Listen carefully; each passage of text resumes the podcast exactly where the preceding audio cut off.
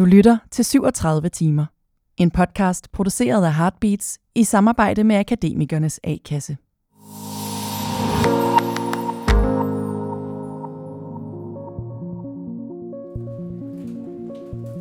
Mit første rigtige arbejde er øh, i H&M på Divided-afdelingen. Og det er vigtigt, at det er Divided-afdelingen, fordi jeg var punker, og øh, havde sådan hullet bukser og en form for sådan trøje, som jeg selv havde, en strikketrøje, som jeg selv havde lavet huller i med en skruetrækker. Og det var min stil, og det, er, det er jo ikke tilfældigt heller, fordi det der med sådan, du ved, punkmiljøet, der var det fedt at være grim. Og det passer godt til at have en krop, der går lidt skævt og sådan noget. Nå, så jeg kommer ind i H&M, skal ned i sådan en kælder, altså også lidt et afhørslokale. Og jeg har en veninde, der arbejder i H&M, som har sagt, bare tag dig ind de rigtige zone. Og jeg har taget alle mine, alle mine eksamenspapirer med fra folkeskolen og sådan noget, øh, for at vise, at jeg er klog og god. Og så kigger, øh, hun hed Anne, tror jeg, på mig. Og så siger hun bare sådan, altså alt det der, det kan du godt pakke væk. Hvad fanden? Altså det er jo H&M. Du skal bare sælge tøj. Øh, og så sagde jeg, okay, men jeg vil bare sige os, det kan jeg bare huske, sådan, det var det første, jeg havde brug for at sige, øh, jeg har jo et fysisk handicap. Og så siger hun, nå okay, men betyder det, at du har, har du svært ved at arbejde? Og så sagde jeg, nej. Så sagde hun, nå okay, men, men altså, jeg synes, at din stil, den passer rigtig godt ned til den her, sådan, den hippe ungdomsafdeling. Som selvfølgelig slet ikke var hip. Men så viste det sig jo, at nede på den der divided-afdeling, så kommer jeg øh, ud, og så skal jeg bare lige sådan prøve at se, hvad det er sådan til jobsamtalen.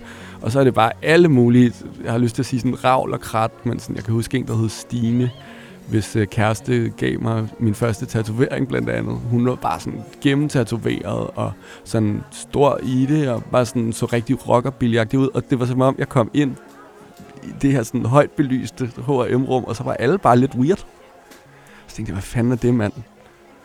Men du ved, så tror jeg bare, jeg crackede nogle jokes og sådan noget om at halte. Fordi der var en, der spurgte mig det samme, sådan, hey, hvorfor går du sådan der? Og så var jeg bare sådan, Nå, det er fordi, jeg blev skudt i benet en gang. Og så fik jeg jobbet. Digter Kasper Erik bærer sit handicap uden på tøjet. Han har det stående i sit CV og i sine digte. Det har længe været en del af hans identitet og hans fortælling. Alt det der, jeg troede, der var lidt sådan noget, jeg ligesom skulle kompensere for. Altså det tøj, jeg har på, selvom det er punket der, det er min pæne trøje, ikke? Det, altså det, det er også vigtigt. Den med hullerne i, jeg har lavet med en skruetrækker, det er på en måde, det er den pæne, jeg har. Det var de bukser med færrest huller i, jeg havde taget på, og nogle pæne sko eller et eller andet de ting, man kunne kalde sådan overkompensationsting, de er jo så indgroet en del af min personlighed, at jeg ikke lægger mærke til, at jeg gør dem. Altså, det, det, det her, jeg fortæller om nu med at have taget det der tøj på, eller hvordan jeg så ud, eller det med altid crack and joke, det er jo noget, jeg sådan har efterrationaliseret, at nu kan jeg godt se, at det er det, jeg gør. Altså, men jeg fik også pisse ondt i benene af at arbejde i H&M, fordi man står fandme op en hel dag øh, og går rundt og sådan noget, ikke? Og, og øh, der kan jeg huske, at en af mine afdelingsledere, eller hvad fanden det hedder, sagde til mig på et tidspunkt sådan, hey, du må altså gerne sætte dig ned en gang imellem.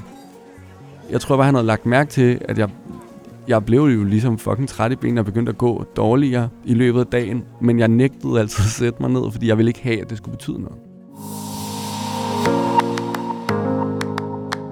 Mit navn er Abdel Aziz Mahmoud. I disse år der taler vi heldigvis utrolig meget om diversitet og inklusion på arbejdspladsen, og om hvordan minoriteter, om det er køn, alder, etnicitet eller handicap, er en fordel for både samfund, arbejdsplads og medarbejderen selv. Men i dette afsnit fortæller Kasper Erik, hvordan han stadig her i 2023 hver dag er på overarbejde på arbejdet. Velkommen til 37 timer.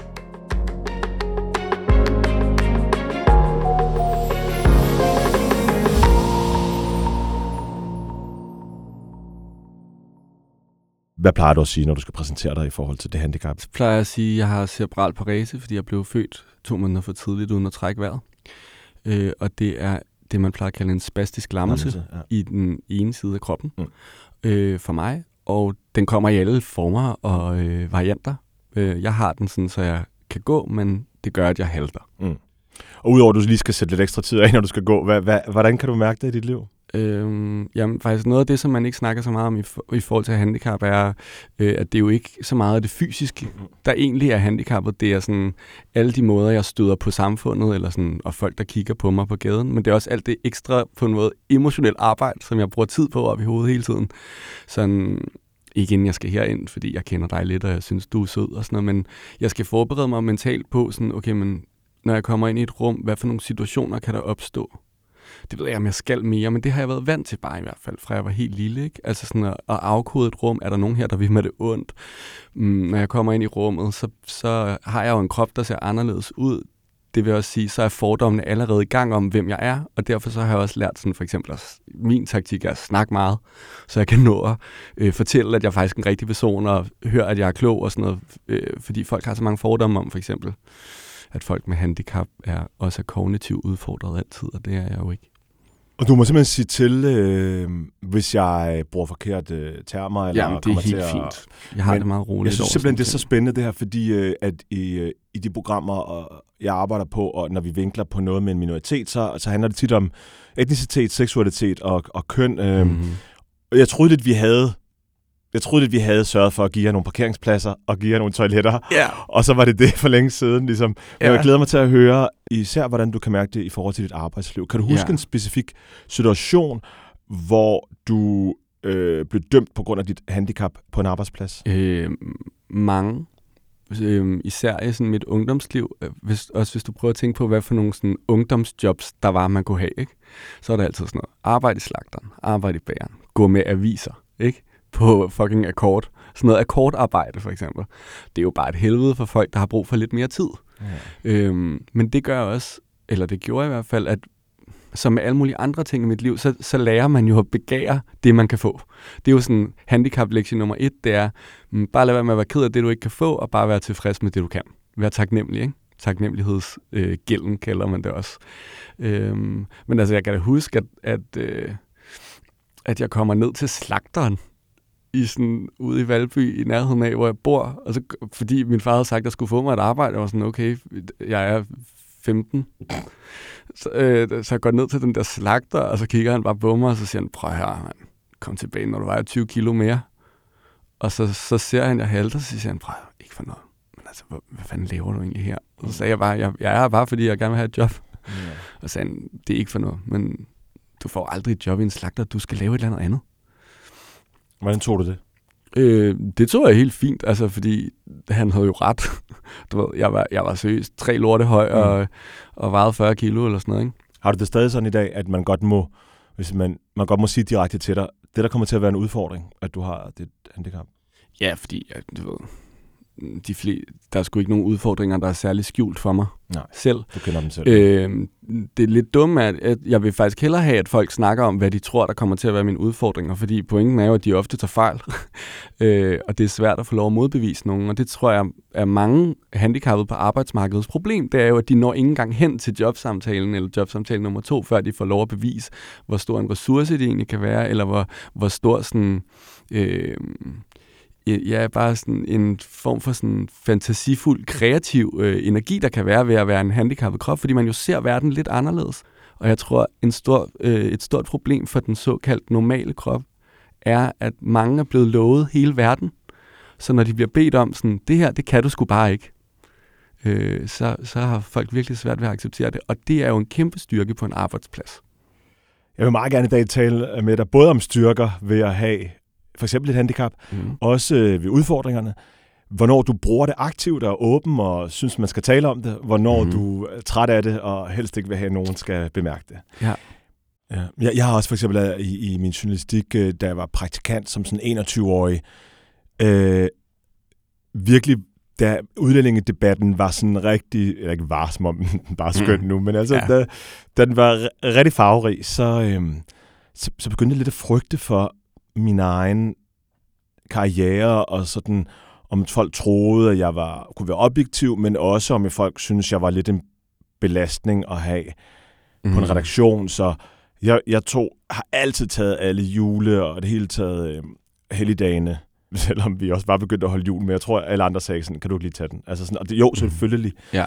Jeg har haft det hele siden jeg var barn, at både min etnicitet og så siden også min seksualitet, at jeg gerne virkelig vil bare gerne være en del af en store fællesskab, og mm-hmm. også fortælle dem, at øh, jeg er godt selv klar over det, lad os lige gøre det grin med det også nogle gange, og, mm. Mm. og det er ikke noget særligt. Så derfor har jeg også mødt verden sådan med et stort smil, og jeg lægger mærke til i hvert fald, at, øh, at du altid, når jeg har mødt dig, virker positiv, selv når du som en dag som i dag siger, at du ikke har sovet, Mm. overvenlig. Øhm, og jeg tror også engang, jeg har skrevet til dig, sådan, da vi havde kommunikeret os. Jeg har virkelig lyst til at kramme dig nogle gange. Ikke på Lisette Rigsgaard-måden, men, men alligevel, du ved, sådan Ja, virkelig... Øh, ja, har det også gjort noget ved din personlighed, det her, tror du? Mm, det er sødt, du siger, at du har oplevet mig sådan. Jeg kan også være meget, meget hård og øh, bitter. Jeg kan også meget hurtigt gå i fight mode. Ikke? Altså sådan at være kontant og sætte et skjold op for, at folk sådan... Jeg, jeg tager fandme ikke noget pis. Men altså, nu har jeg jo et arbejde, hvor, hvor jeg snakker om, om mit handicap hele tiden, og, og det har jeg jo selv valgt. Jeg er jo digter, og nu har jeg lige udgivet en bog 3. februar i år, der hedder Ny Balancer, som har undertitlen Handicapdigte. Øh, og det vil sige, at øh, nu sidder vi også og snakker om det her, og jeg, jeg snakker virkelig nærmest om det hver dag. Og øh, det har jeg jo selv valgt, og det synes jeg også er en vigtig agenda. Men det var bare i forhold til det, du sagde med altid at være positiv. Det, det betyder virkelig ikke, at selvom jeg er glad for at få lov at snakke om de her ting nu, så, så er det også noget, der gør, at jeg bliver nødt til at lægge pauser ind i min dag, fordi det, det gør jo også, at jeg så selv tænker mere og mere på det, og jeg er også opdraget til bare vil være en del af majoriteten og bare passe ind. Og nu skal jeg virkelig sådan tage den her handicapdragt på mig som et sted at tale fra tit. Og jeg tror, at det der med at være positiv er jo noget, jeg vil gerne vise, at øh, vi er også bare glade og grineren og øh, gode. Glemmer du så, at, når du er så positiv, overser du så steder, hvor du skulle- burde være det modsatte? Og burde sige, hey, altså, hvorfor fanden har I ikke lagt en pause ind? Jeg ved godt, at de andre ikke har brug for det, eller en stol til mig, eller mm. Hvorfor skal jeg gå op ad trapper, eller hvad det nu kunne være, ja. Der var din udfordring. Folk er faktisk rigtig søde til, når jeg kommer ud. Jeg er jo, det, jeg laver meget af jo øh, sådan noget som her, hvor vi laver radio, eller jeg er ude og optræde på scener, og øh, hvor der tit er nogle, man skal op ad nogle trapper eller et eller andet for at komme op på scenen, og folk er som regel rigtig søde til os at spørge, sådan, skal vi tage elevatoren, skal vi alle mulige ting. Øh, og så siger jeg alt, selvfølgelig altid nej. Det er jo også, og det der er svært, det er jo også, nogle gange kan jeg føle mig, der er begyndt at være rigtig mange handicapstemmer derude faktisk lige nu. Jeg føler, der er sådan en bølge på vej i Danmark, og det er vildt spændende at være en del af. Øh, men, men ofte, når jeg er ude i alle mulige kontekster, så føler jeg også nogle gange, at jeg sådan er den eneste handicappet. Eller jeg er den første, folk møder, og de, de ved virkelig ingenting om det. Men det er fordi, Øh. du ikke er en kørestol, eller ikke er... Altså, ja, måske. Men, men jeg tror også, at folk faktisk ikke ved noget om, hvad det vil sige at være kørestolsbruger. Nej, nej. Altså, øh, den sjoveste ting, jeg kan fortælle lytterne derude bare, det er jo, at de fleste, der sidder i kørestol, de kan godt gå. Altså, det tror jeg ikke folk ved. Øh, de vælger jo at sidde ned, fordi det er mere praktisk.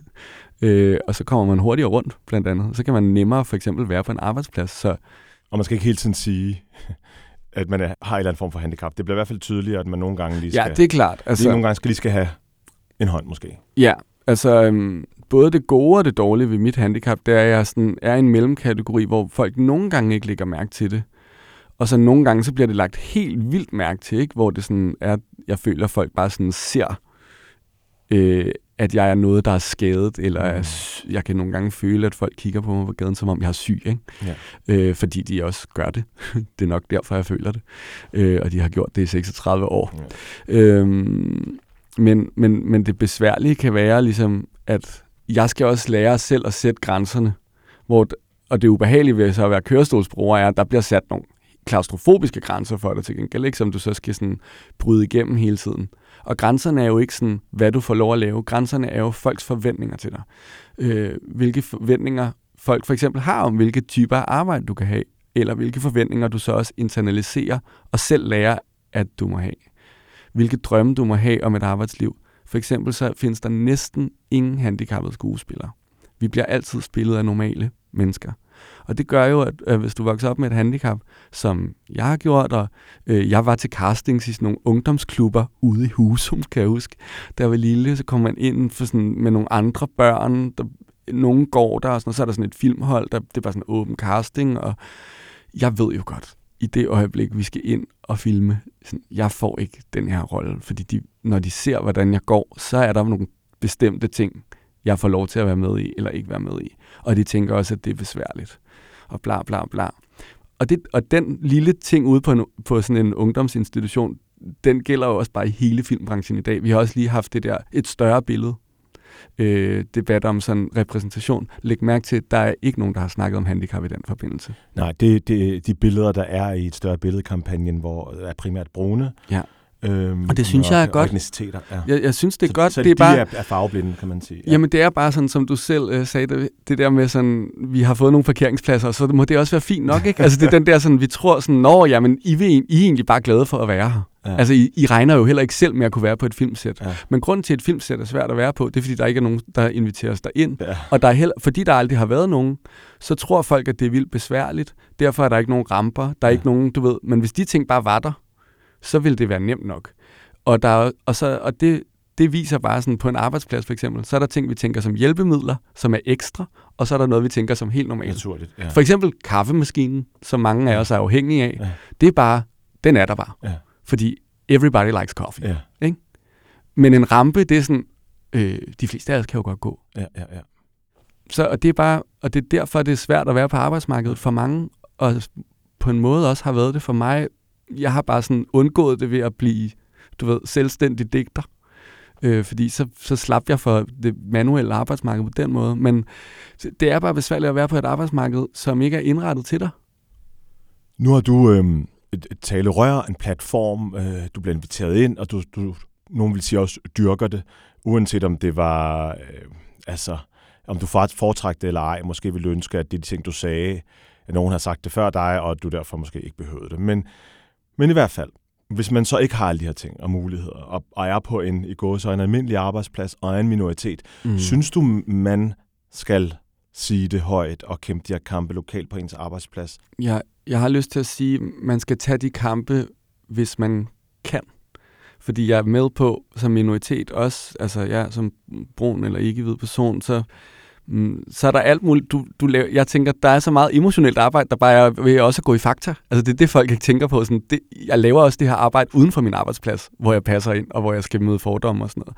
Så det ville jo være dejligt, hvis man ikke skulle være den eneste, der gjorde det på en arbejdsplads. Og det, jeg kan godt forstå, hvis folk ikke orker, når de, du ved, når de så skal øh, arbejde i H&M, at så skal de også kæmpe kampen der. Øh, og jeg synes, det, det, og det mærkelige er sådan, hvorfor er det altid os selv, hvorfor er det altid dem med kroppen, der skal kæmpe kampen? Altså, hvad med dem, hvad bare med dine kollegaer? Mm. Hvad bare med dine chefer? Øhm, og jeg, jeg synes faktisk, det er sådan lidt skamligt i Danmark, at jeg, jeg synes, at det ofte er sådan den enkelte minoritetsperson, der skal, der skal lave det der arbejde, som er meget mere ensomt, end det behøver at være. Og øh, det her med at tage nogle hensyn, det er også det, der er min pointe med kaffemaskinen. Vi tager hensyn hele tiden, men det at have privilegier eller have en normal krop er præcis, at du ikke lægger mærke til, hvor mange hensyn, der allerede bliver taget til dig. Øh, og når nogen så siger sådan, hey, øh, jeg synes, det kunne være fint, hvis der, det er kedeligt standard eksempel det her, ikke var svinekød til vores julefrokost, så er folk sådan, ej, det går, det fandme, det kan jeg ikke overskue, eller hvad ved jeg, vegetarisk. Øhm, så ligner det et ekstra hensyn, men det er bare fordi, der allerede er blevet taget hensyn til alt andet for, den, for en anden krop. Og så siger du det alligevel med, synes jeg, et overskud. Du sidder i hvert fald og smiler over for mig. Jeg vil gerne øh, så være den, der skal lidt ud. Der mm. er Mhm. mange af de her ting, som øh, minoriteter siger, som majoriteten godt ved. Altså, de har hørt det før. Det er ikke første gang, øh, at nogen siger, at ja, det er lidt svært for mig. Øh, og ja, det bedste, man kan gøre, jeg kunne elske, hvis det var majoriteten, der tog sagerne op på arbejdspladsen. Jeg Jamen, det er elsker, det, jeg hvis det, ja, Ja. ja. at de, de virkelig sådan, når det ikke drejede sig om dig, at det var der, du tog noget øh, seriøst, fordi den bedste følelse, du ved, nede i skolegården, når nogen øh, øh, altså peger på dig øh, som den anderledes, det er, når en eller anden kommer hen og stiller sig ved siden af dig og har din ryg, uden de har noget med sagen at gøre. Det er den Yes. absolut bedste følelse. Det er alt værd. Mm. Jeg har været ude og arbejde for et, lad os sige, konsulentfirma, øhm, så, så, og, og, og de vil gerne lave noget i forbindelse med øhm, øh, Pride'en, og så, så spørger jeg dem sådan, hvor mange af jeres øh, partnere er øh, LGBT-personer, ikke? og der var flere hundrede partnere, og de sagde sådan, øhm, nul, tror vi, fordi Der er ikke nogen, der har til det her arrangement har taget en same-sex øh, kæreste med. Så enten 0, eller også er de skabet. Og så siger jeg, øh, begge ting er et problem, Ja. guys. Og hvis det er 0, øh, der søger det, så har I ikke sørget for, at der er den rampe til homoseksuelle. Nej, eller I ikke præcis. sørget for, at der er, men du ved, Og det er det, jeg mener også med, at man lærer at begære realistisk, og det gør man jo også som homoseksuel. Altså en anden arbejdsplads er jo fodbold. Fodboldspiller. Der har været tre homoseksuelle ude af skabet.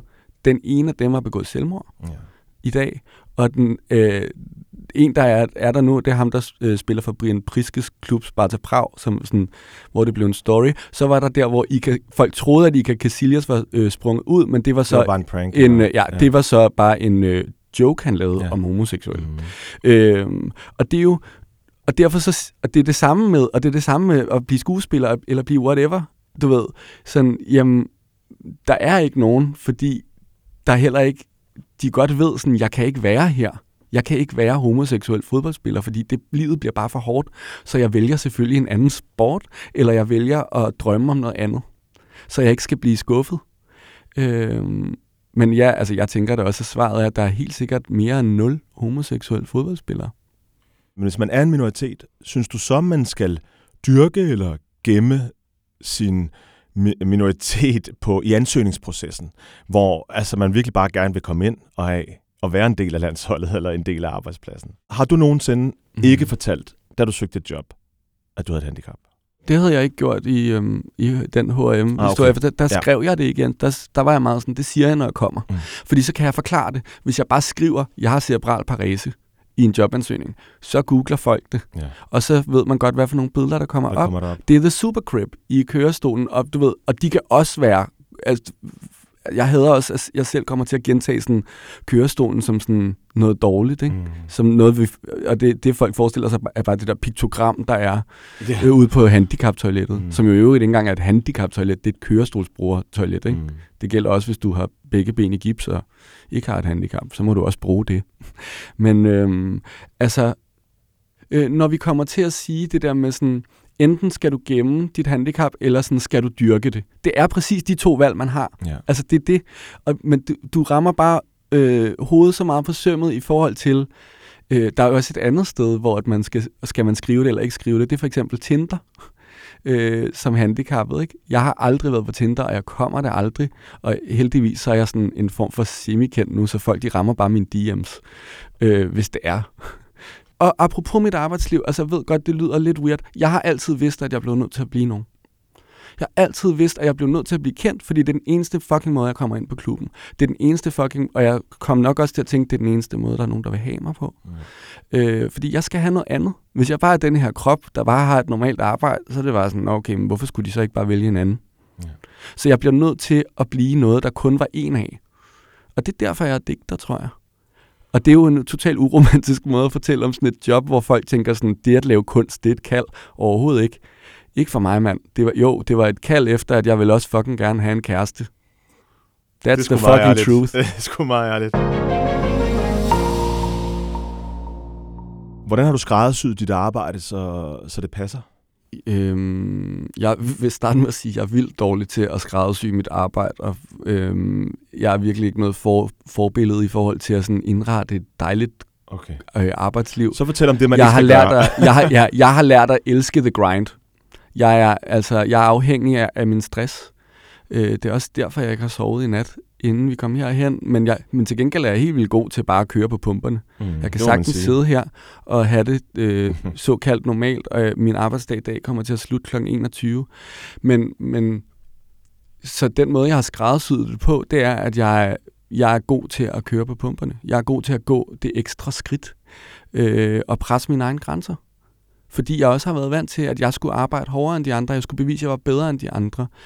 Øhm, det har været sådan en del af min historie som digter, at jeg har lavet vildt mange bøger. Jeg har lavet syv bøger på øh, ni år, og også en masse andre ting. Og det er faktisk meget. Men når folk nævner det, så er der også altid et lille stik i mit hjerte, som er, "Men det ved jeg godt hvorfor.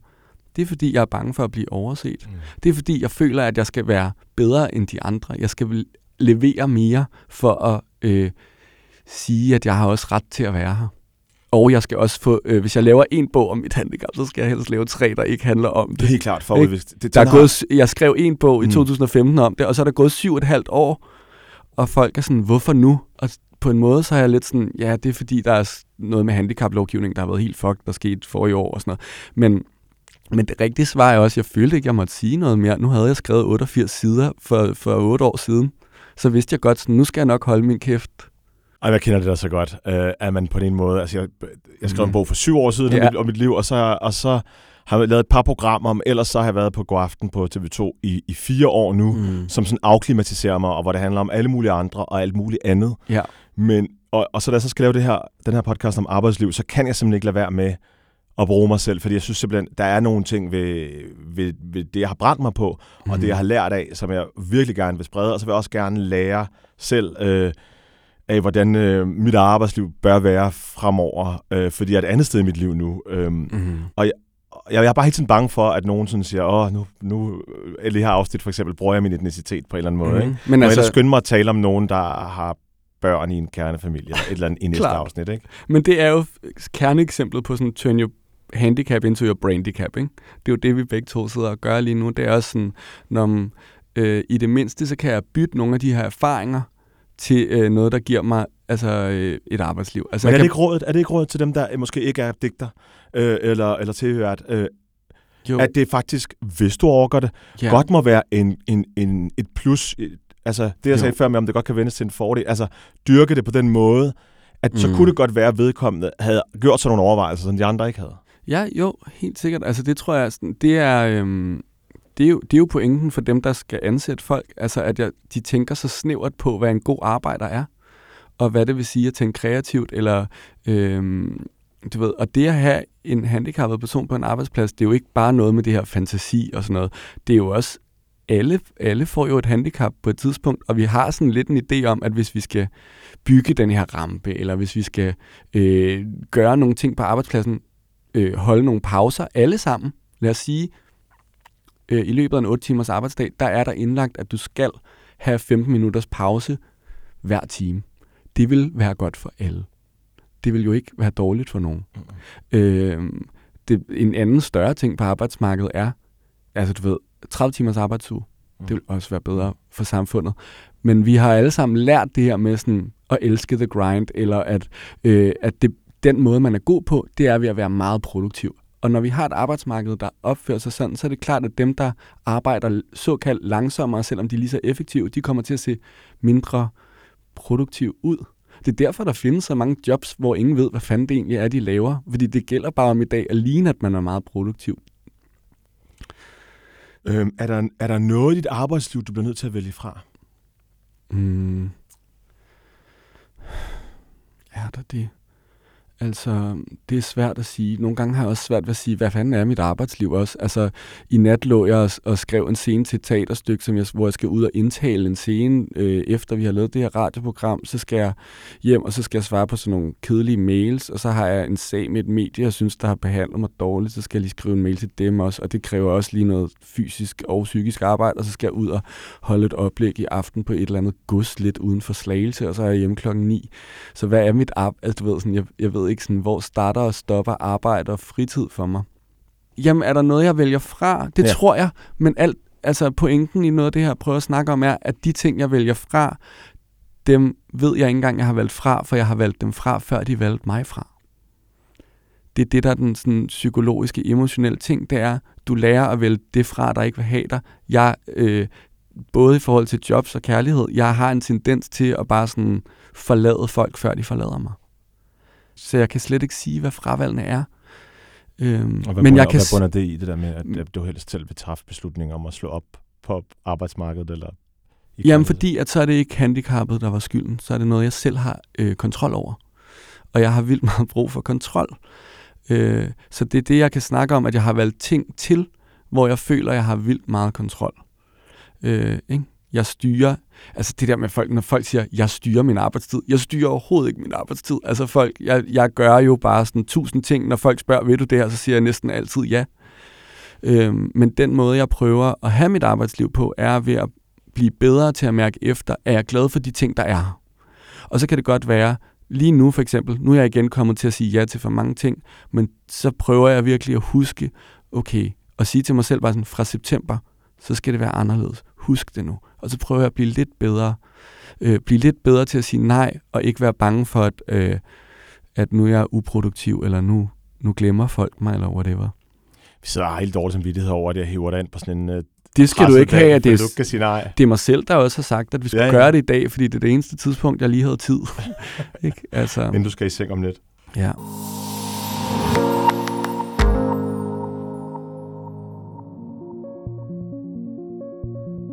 De ting, jeg vælger til, er jo også øh, altså, for tiden nogle ting, hvor jeg, hvor jeg bliver boostet vildt meget, fordi det er ting, hvor der er et publikum, hvor de klapper af mit handicap. Også selvom jeg så går hjem og græder på sofaen, så, så sidder jeg i mange situationer lige nu, hvor at den ensomhed, jeg for eksempel har følt i forhold til handicap, den bliver på en eller anden måde øh, udfordrende, når jeg så får lov til at sidde på en scene, og så sidder der forleden dag, var jeg inde og lave noget på Hovedbiblioteket med Lucia Doom, og øh, vi kommer ind, og jeg, jeg er altid lidt sådan, åh oh, nej, bare, altså der er jeg garanteret ingen, ikke?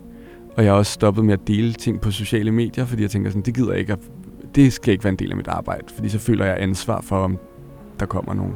Men så sidder vi, og så er der kraftet med 200 mennesker derinde, og folk sidder på rulletrapperne. Og når jeg siger noget, og jeg siger sådan nogle rabiate ting derinde, jeg kan huske på et tidspunkt, så sidder jeg bare og siger sådan, vi lever i et samfund, der, hvor at vi systematisk diskriminerer folk med handicap, så det skal I stoppe med, og det er fucking skamligt.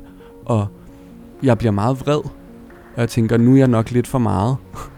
og så er der stille lidt. Og så er der, så er der bare, så begynder folk bare fucking klap. Og du ved, det, det er jo det, der, det er jo de små situationer, at sidde på den scene, og at folk kommer op til mig. Øh, og de er hårde, men det er også virkelig det, der gør, at jeg føler, at jeg har et meningsfuldt arbejdsliv. Og den vildeste ting, ja, det har jeg ikke sagt til nogen endnu, tror jeg, men den vildeste ting, der foregår lige nu, er, at jeg er jo forfatter, så jeg har jo også, øh, hvis jeg ikke selv har bøgerne med ude, så har folk dem med for at få dem signeret, eller også så er der tit en boghandel, der sælger noget, der hvor nogle ting foregår, og så kommer folk op og køber en bog og vil have den signeret, og for tiden så sker der noget, som der ikke er sket før, og det er, at der er helt vildt mange, der kommer op, og så siger de, vil du gerne sige, og så lige i det, de begynder at tale, så begynder de at græde. Øhm, og det er ofte kvinder, der har børn med handicaps. Og, det, og de græder, fordi at nu føler de, at de er med i en samtale, men faktisk er der heller ikke nogen, der har snakket med dem om det her. Og jeg tror, jeg prøver jo at snakke lidt med dem. Og jeg, det, jeg har lært at sige nu, det er sådan, hey, det gør ikke noget, der er masser, der græder, når de kommer op til mig. Og det kan se, det, det, løb, det løfter stemningen. Fordi de er også pinlige over sådan, åh, jeg er den eneste, og man skal ikke stå og græde for en person. Det har de lært, ikke? Slet ikke over at have et handicappet barn, fordi det er også skamligt jo at græde over sit barn, øh, eller den behandling, ens barn får, eller det øh, ekstra arbejde, som handicap, møder til handicappede børn skal lave, øh, for at hjælpe dem i deres liv. Og det er seriøst, jeg siger dig, det er den vildeste ting, at opleve det, fordi det, jeg oplever, det er min egen sådan, noget, jeg bare kan sidde og sige i et radioprogram, vi har ikke noget sprog for handicap. Det er sådan noget, jeg bare har lært at lide af. Det tvivler jeg tit på, om er rigtigt, når jeg så kommer hjem. Men når jeg oplever det der, så kan jeg mærke sådan, okay, hvis det bare var vigtigt for den her ene person, så, øh, så gør det nok ikke så meget, om jeg så går lidt hjem senere i dag og føler mig lige lidt mere handicappet. ikke? Øh, og i øvrigt, og den måde, jeg så kompenserer på, det er ved at købe nogle fede solbriller. Ikke? Jeg så godt din Prada. Ja, de er ikke flotte. Jo. Ja, de, de, de er fra genbrug. Ja, det går med dig. Det er de, det er de. Okay. Okay. De er fra. Tutsi, de er fra Ja. Tutsi nede i Torlinsgade. De er ikke sponsoreret. Og jeg, altså, jeg har mange solbriller. Og det har jeg, fordi at jeg øh, en del af mit arbejdsliv også er at, for tiden at være ude og lave de her ting. Og jeg kan godt komme til at græde. Men jeg vil heller ikke have, hvis nogen ved, hvem jeg er, at de skal se, at jeg går rundt og græder. Eller tænker et eller andet om mig. Øh, så jeg går rundt med solbriller på for tiden, sådan så det kan ske. Sådan så jeg, altså det er også en del af mit arbejde, det er, at jeg skal sørge for, jeg har altid en bog med i tasken også, så jeg lige kan sætte mig ned på en bænk og tage fem minutter, og lige få, du ved, koblet af. Fordi det er også meget at have de her menneskers historier du ved, så har jeg dem. Det, det, det, hårde ved at høre det her, som også er meningsfuldt, det er, at jeg også tit kommer hjem og tænker, ja, ja, jeg har solgt nogle bøger, det går godt, der er meget med medierne for tiden, men du ved, jeg har brug for at ligge ind i mit arbejdsliv, at der, der skal være plads til, at, at jeg også øh, kommer til at få følelser. Der sidder nogle mennesker derude, der synes, at det er godt nok pludselig meget stærkt og meget omfattende, det her med, at deres arbejdsplads nu har fokus på veganere, transkønnede, personer med handicap, personer med en etnisk minoritet, Ja. kvinder, meget lige pludselig, og at det godt kan være, at de også kan gå ud over dem. Ja. Det kan jeg godt forstå. Hvad vil du sige til dem? Ja, jeg kan godt forstå, at du føler, at det er hårdt. Det, fordi du har fået meget lidt hjælp til at forstå, måske, at det er, kan være besværligt for andre, bare at være her. Øh, og det er, det er hårdt, når man pludselig finder ud af det. Eller at verden pludselig bliver besværlig for en. Men du skal bare huske, at dem som, dem, som du ser som årsag til, at dit liv nu bliver lidt mere besværligt, de lever nogle besværlige liv 24 timer i fucking døgnet så have det lidt besværligt i to timer. Og jeg kan godt forstå, hvis det er sådan, jeg synes, at vi skal også som minoriteter, vi skal ikke finde os i alt muligt, men vi bliver nødt til at møde den følelse med en form for tålmodighed også. Det er kedeligt, at det er altid os, der skal tage det her ansvar og hjælpe de andre. Det er det, der er det ensomme og irriterende. Og det ville være nemmere, hvis det ikke var. Men vi bliver også nødt til at møde den følelse, som så nogen har, hvor de synes, sådan, nu er det godt nok lidt meget, og hvad fanden er en transkøn overhovedet? Men med en tålmodighed, som er sådan at sige til dem, hey, prøv at jeg kan godt mærke, at du synes, det her er lidt mærkeligt, men det skal nok gå. du ved, det vigtigste at sige til dem, det er sådan, det er rigtigt, det er, en, det er altid omstillingsperioder, er altid lidt svære. Bare rolig, vi kommer ikke efter jer. Vel, vi prøver bare at være her. Vi er ikke ude på at sørge for, at I ikke må være her. Vi er ude på at sørge for, at flere mennesker også kan være her. Og det er godt for os alle sammen, fordi fucking måske er det din søn eller datter, der viser sig at være trans. Ikke? Og hvis det nu var det, så er folk altid, så er det jo der, de begynder at kæmpe. Måske så er det din kone, der får en hjerneblødning i morgen. Og det siger jeg ikke for at skræmme nogen, det er bare sådan, det, det er jo sådan, livet er. At det kan, mange af de her ting kan ske for alle mulige. Og det er for os alle sammen skyld, at vi prøver at gøre de her ting. Vi gør det, fordi det bliver rarere at være her. Et er, når et samfund og en arbejdsplads tager hensyn til nogen, og, mm. Mhm. og sådan ved, at de eksisterer, og gerne vil have en, en dialog med dem og sådan noget Mm. med, med os. Jeg elsker det, hensynet at vide, at de eksisterer. ja, ja. Ikke? Jo, ja, men altså, det var Ja. ja. det, du sagde med, Ja, ja, at øh, hey, kaffemaskinen er der, og rampen er der ikke. Altså, bare Ja. det der med, at man på en eller anden måde bliver oplyst, ikke også? Mm. Synes du også, man skal være sådan aktiv, proaktiv, tælle, hvis man nu er en stor virksomhed? Det handler jo om, hvis du har en arbejdsplads, hvor der ikke er mangfoldighed, så er det, fordi du har et arbejdspladsproblem. Og hvis du ikke kan løse det, og har prøvet at gøre nogle ting, hvor sådan, om vi har prøvet at sige, at alle kan bare være her. Det er fint, du har sagt det, men det kan de åbenbart ikke. Så prøv med nummeringer. Det er jo et værktøj for arbejdsgiverens skyld. Og nummering er et andet ord for kvoter, og det er ja. der rigtig mange, der får allergiske reaktioner øh, af. Altså al forskning viser, at diversitet på arbejdspladsen øh, faktisk kan mærkes på bundlinjen. Så om ikke Ja. ja. andet, så i hvert fald gør det derfor som direktør eller chef, øh, at det faktisk giver dig flere Mhm. mm. produkter, du tænker kreativt. Ja. Ja. Men for den menige medarbejder, der er der alle de ting, du allerede har sagt nu, at Mm. at være en del af løsningen, være en del af samfundet. mm. Du skaber også værdi for samfundet, at flere kan arbejde. Men jeg er helt med på også, at vi... Øhm, at det her argument om, sådan, det er bedre på bundlinjen, at det er et godt argument, hvis man vil sige noget til en arbejdsgiver. Men det er også sørgeligt, synes jeg. 100%. Det er sørgeligt, at det skal være det, der er argumentet, at det, at det kan mærkes på bundlinjen, fordi i den logik, så glemmer vi det, som er det allervigtigste ved det her, som er, hvordan kan det mærkes på din arbejdsplads i dagligdagen? Hvordan er det at være der? Og det måler vi sjældnere på, eller det argumenterer vi sjældnere for, og det er også, det rører mig, det, den måde at snakke på, fordi det er jo i præcis denne her nyttetænkning eller produktivitetstænkning, så er det bare der, hvor mennesker med handicap ofte præcis falder sådan uden for ligningen, fordi vi bliver set på som en udgift. Og hvis du har en krop, hvor du har indskrevet den i sådan, når man kan det mærkes på bundlinjen eller ej, jamen så kommer du til at putte den krop ind i det der paradigme, og så ser den ud som noget, der er ineffektivt. Det er rigtigt, Kasper. Jeg tror bare, du ved, frugtordning kan også mærkes på bundlinjen. Forstår du? Du kan ikke, mm. altså, du, du kan ikke, du, kan, du tager ikke en kurv frugt ind, og så bagefter kan jeg se, at jeg tjener mere. Øh, den er en udgift, den frugtbakke, mm. øh, eller whatever. Det er sådan, altså man ved, at et godt arbejdsmiljø kan mærkes på bundlinjen, og et godt ja. arbejdsmiljø er for eksempel, at man synes, at ens ja. arbejdsplads er et godt sted, er cool, altså er, er yes. moderne, at tiltrækker forskellige typer, har et godt sprog, så, mm. så ting, der godt kan virke træls, mm. anderledes, udgifter, mm. kan mærkes på bundlinjen. Helt sikkert. Jamen, jeg er med på det nu siger jeg bare noget, der er det mest naive. Jeg føler mig som sådan en fra, øh, der øh, meldte ind i SFU 15 år og har fået et partisanertørklæde i 90'erne, når jeg siger det her. Men altså, hvad med bare, at ambitionen er, hvordan er jeg en god person? Og det ved jeg godt, hvis man siger det, så er folk sådan, sådan kan man jo ikke tænke på arbejdsmarkedet. Det er jo det, der er problemet. Hvorfor egentlig? Hvorfor har vi lavet et arbejdsmarked, hvor at lige så snart man siger sådan, hey, men øh, hvad, hvad med det bare handler om, sådan, hvordan er man fed?